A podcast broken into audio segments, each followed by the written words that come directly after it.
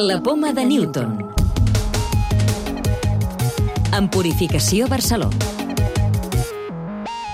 Una nova combinació d'antibiòtics aconsegueix combatre gairebé totes les variants resistents d'un dels bacteris actualment més perillosos que forma part de la llista d'alerta de l'Organització Mundial de la Salut sobre patògens del risc.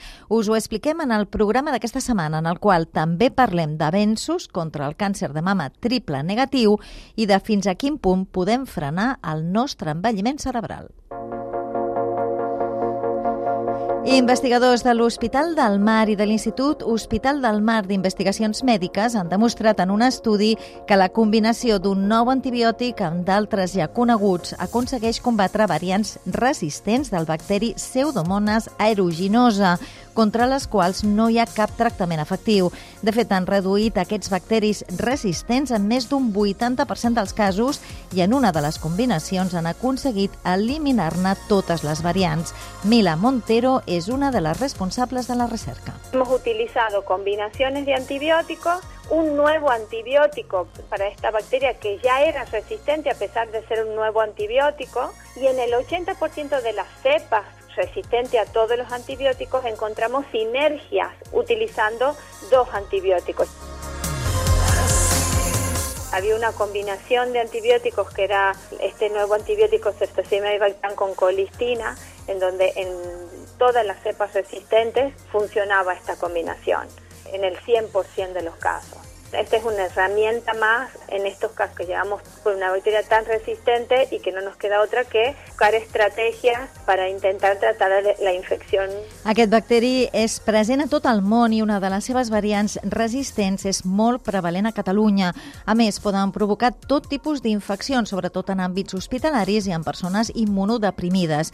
I trobar-hi alternatives terapèutiques era un objectiu prioritari perquè representen una de les principals amenaces per a la salut salut mundial. Més coses. Un estudi internacional amb participació catalana aconsegueix els resultats més importants fins ara en la lluita contra el càncer de mama triple negatiu, un dels més agressius i de pitjor pronòstic. Han demostrat que un tipus d'immunoteràpia que ja dona resultats molt positius contra altres tumors també aconsegueix allargar gairebé uns 7 mesos la vida d'aquests pacients.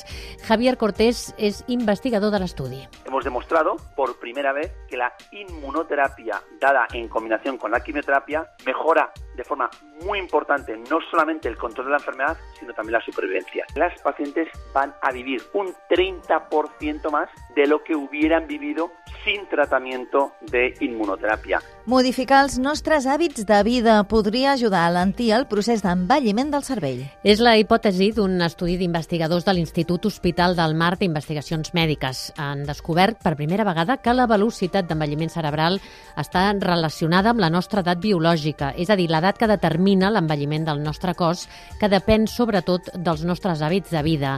Jordi Jiménez Conde és el responsable de la recerca. La velocitat en la que envelleix el nostre cervell podria modificar-se en funció de quins siguin els nostres hàbits de vida, la nostra exposició a factors com l'estrès, el tabac, l'alcohol, la contaminació, etc. I, per tant, l'envelliment també està una mica en les nostres mans. La península ibèrica va servir de refugi climàtic a poblacions del Paleolític durant el període més fred de l'edat de gel.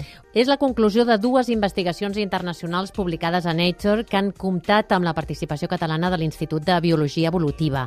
En el període més fred de l'edat de gel, poblacions paleolítiques que vivien en altres llocs d'Europa s'haurien extingit, però les que vivien a la península ibèrica van sobreviure.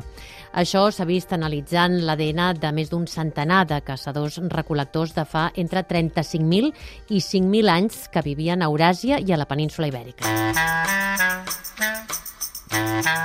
Llibres de ciència. Avui us proposem un llibre que reivindica el paper de la dona en la carrera espacial. Las astronautas olvidadas, 13 americanes que debieron llegar al espacio, de la periodista Martha Ackman. Parla d'un programa secret de la NASA, als anys 60, per fer arribar dones a l'espai com havien fet els soviètics amb Valentina Tereshkova. En el projecte hi van participar 13 dones, a les quals es va sotmetre al mateix entrenament que els astronautes masculins, però finalment la NASA no va comptar amb elles perquè va preferir que la tripulació de les seves missions espacials estigués formada només per pilots de proves i de sexe masculí. L'obra, que també incorpora fotografies, explica la història d'aquestes dones nord-americanes i de totes les que es van seguir en el seu objectiu d'arribar a l'espai, un fet que no aconseguirien fins al 1983, 20 anys després del vol que va fer Tereshkova. La clau de volta. Quina relació hi ha entre el nostre microbioma i l'obesitat? Sonia Fernández es investigadora del Institut d'Investigació Sanitària Pere Virgili. La obesidad está asociada a disbiosis, es decir, una alteración de nuestra microbiota intestinal. Numerosos estudios científicos demuestran que una intervención dirigida para revertir esta disbiosis puede ser beneficiosa para tratar la obesidad y sus complicaciones, desde el trasplante fecal al tratamiento con probióticos y prebióticos. Recordeu que podeu descarregar-vos el podcast de la Poma de Newton o subscriure-us al programa per rebre'l directament als vostres dispositius.